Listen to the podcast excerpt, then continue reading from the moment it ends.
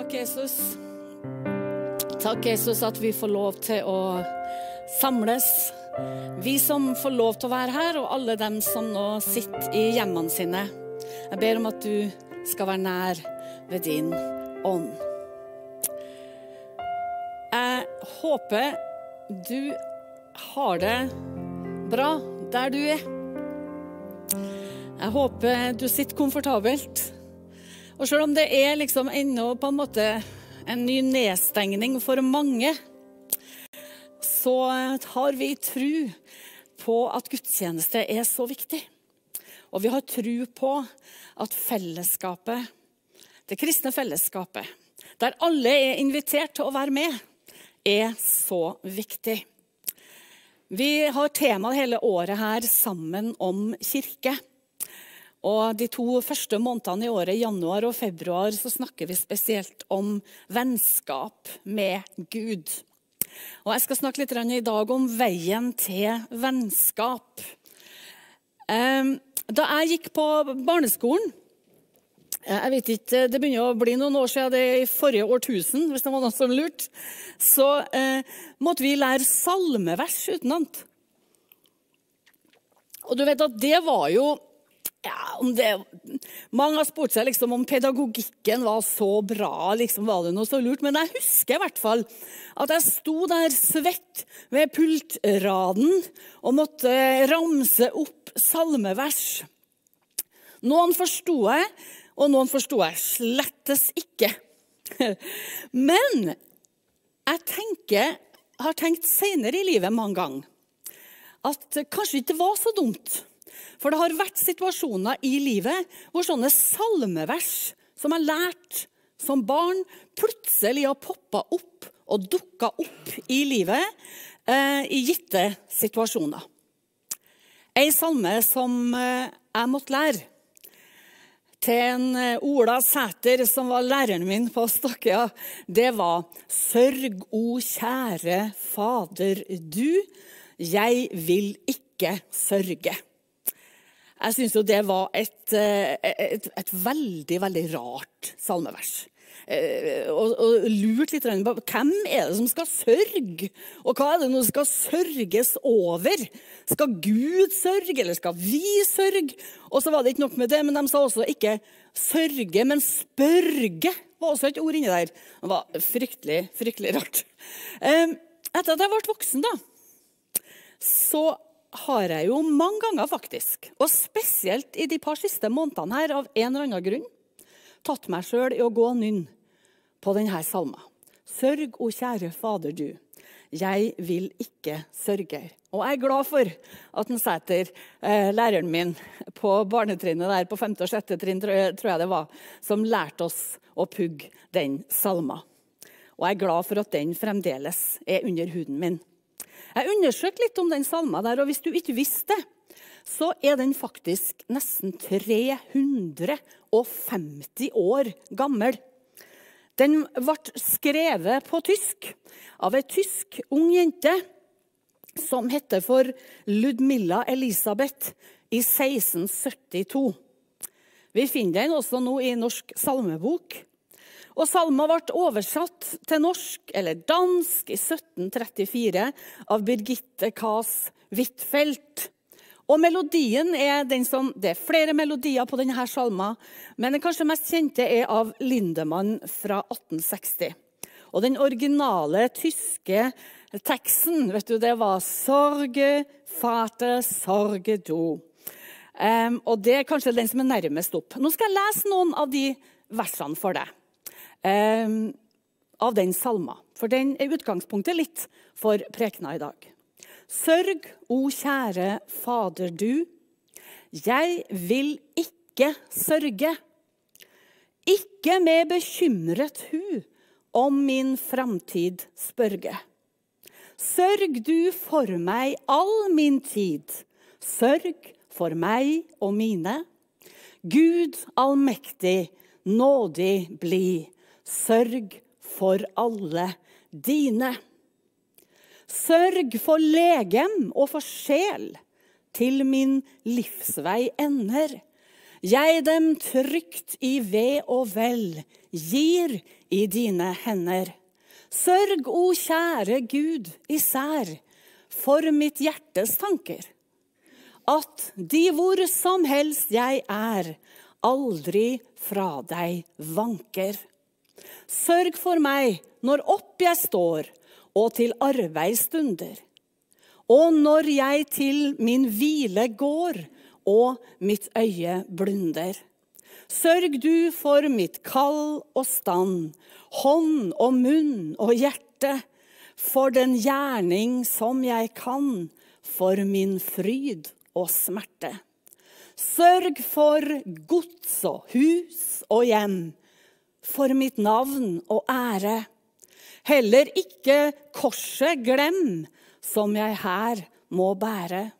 Sørg for meg hver stund, hvert sted, på min ferd her nede. La meg så herfra i fred fare til din glede. Det som jeg ikke helt skjønte, var det dette ordet 'sørge' når jeg var barn. Sørg, o kjære Fader, du. Men det ordet her i den klassiske har ingenting med den klassiske måte, sorgen å gjøre, som vi tenker på. For den tenkte jeg nemlig på når jeg måtte pugge denne salma.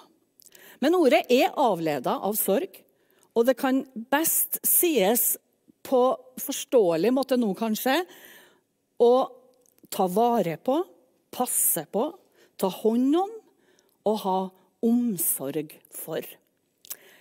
Ludmilla Elisabeth eh, hadde lært seg til å stole på Guds omsorg gjennom alle kriser. For hele salma handler jo om hele livet. Alle ting vi er, alle gjøremål osv. Hun ble født inn i en adelig familie i Tyskland i 1640. Og da hun var, 17, da hun var 31 år, så forlova hun seg med en greve som heter for Christian Wilhelm. Og alt lå da til rette for romantikk og idyll og bryllup og familielykke. Men det skulle ikke bli noe bryllup. For straks over nyttår i 1672 så brøt det ut en voldsom meslingeepidemi. Og Ludmilla var en av flere i en stor søskenflokk. Og to av søstrene hennes døde død i denne epidemien. Og Ludmilla sjøl pleide eldstesøstera si, Sofie Juliana. Og der ble hun smitta sjøl. Og den 12. mars i 1672 den 12. mars, jeg talte litt om meg den datoen, eh, så døde både faktisk Ludmilla og en yngre søster av henne på samme dagen. Christiana Magdalena het hun. Og Ludmilla hun skrev denne salma her, 'Sørg, o kjære Fader du', på dødsleiet sitt. Og fikk, Det står om, eh, om hun at hun døde i fred, og at hun fikk tatt avskjed med både familien sin og forloveden sin. Og Salma ble da utgitt en del år etter hennes død, i 1687. Vennskap med Gud hva lærer fortellinga om Ludmilla meg? Jo, det som jeg syns gjennomstråler denne salma, her, det er at det er ei ung jente eller ei ung kvinne som har fått med seg at hun kan være trygg på Guds omsorg gjennom alle livets omstendigheter. Hun snakker også om Gud som en som er ikke fjern, men nær. Og hun formidler på en så god måte, syns jeg, at han, Gud sjøl, vil være din og min venn. Det er helt fantastisk at skaperen av universet, av alt som vi ser, den vakre naturen, jorda, universet, himmelrommet, stjernene At alt det som er skapt av Han, at han vil, ha, vil være venn med det skapte, det han har skapt. For jeg syns å lese ut ifra salma her at Ludmilla hun snakker faktisk til en som hun kjenner. Hun snakker til en venn. Det er på en personlig måte, og det er tydelig at det vennskapet har prega hele livet hennes, også helt inn i døden. Da jeg begynte å lese i Bibelen, så fant jeg ut at det var faktisk enkelte mennesker som Eller mennesker som fant fram til vennskap til Gud. Gud sjøl omtaler Abraham som min venn. Og han delte sine tanker og planer med han, kan vi lese om i Det gamle testamentet. Jesus han sier til sine disipler i Det nye testamentet i Johannes 15, 5, Jeg kaller dere ikke lenger tjenere. For tjenerne han vet ikke hva Herren hans gjør. Men jeg kaller dere venner.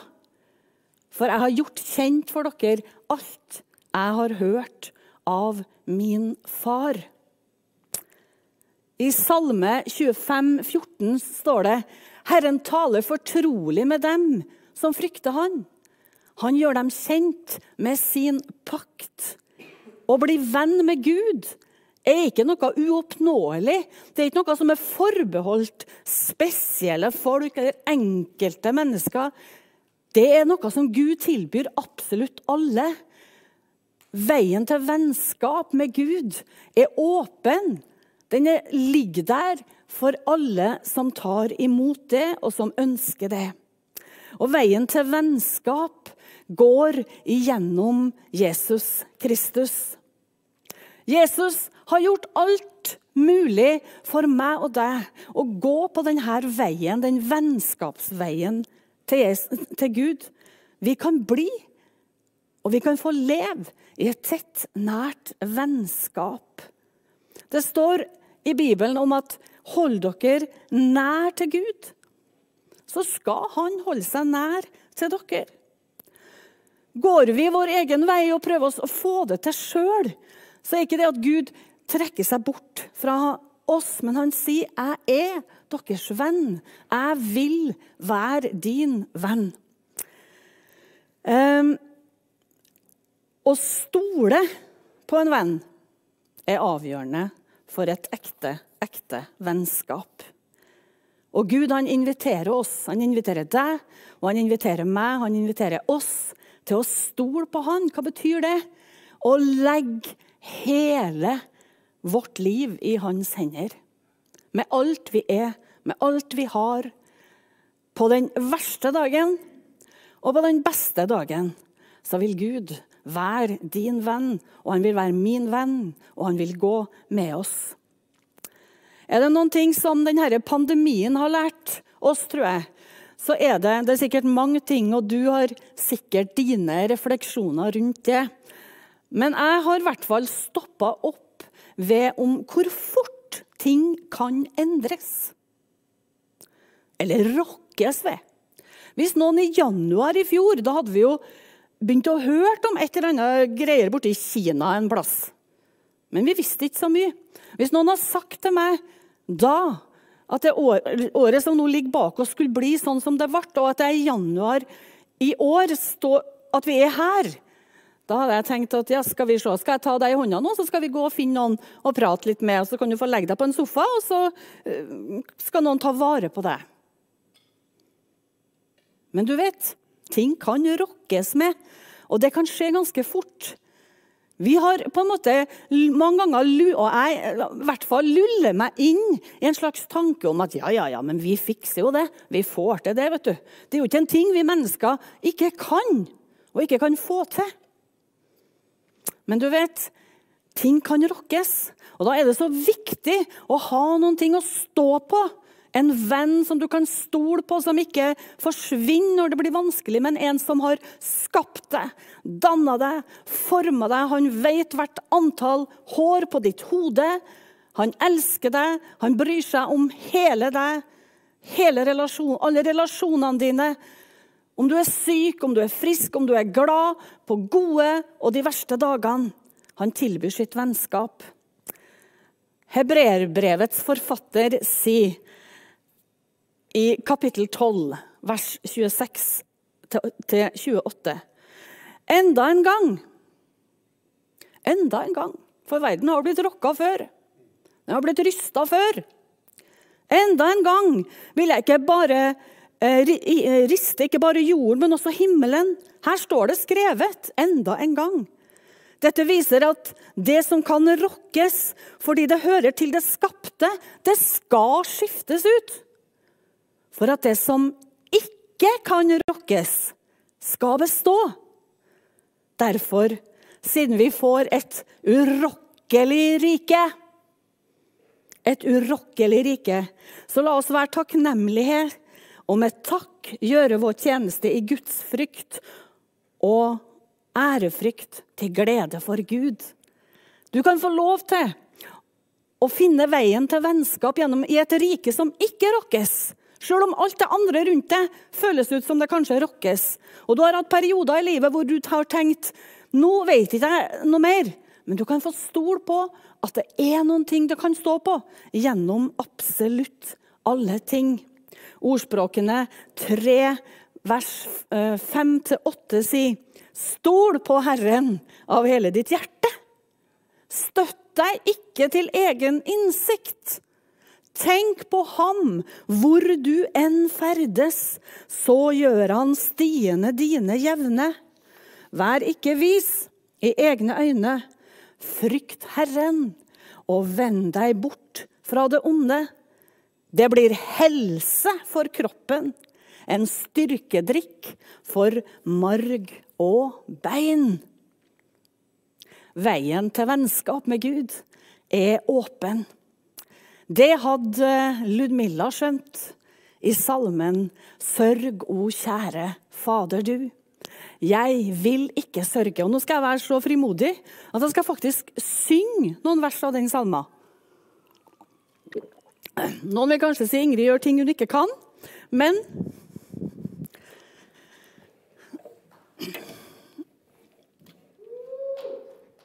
Jeg skal i hvert fall prøve. Så har jeg med meg en gitarist som, som kan.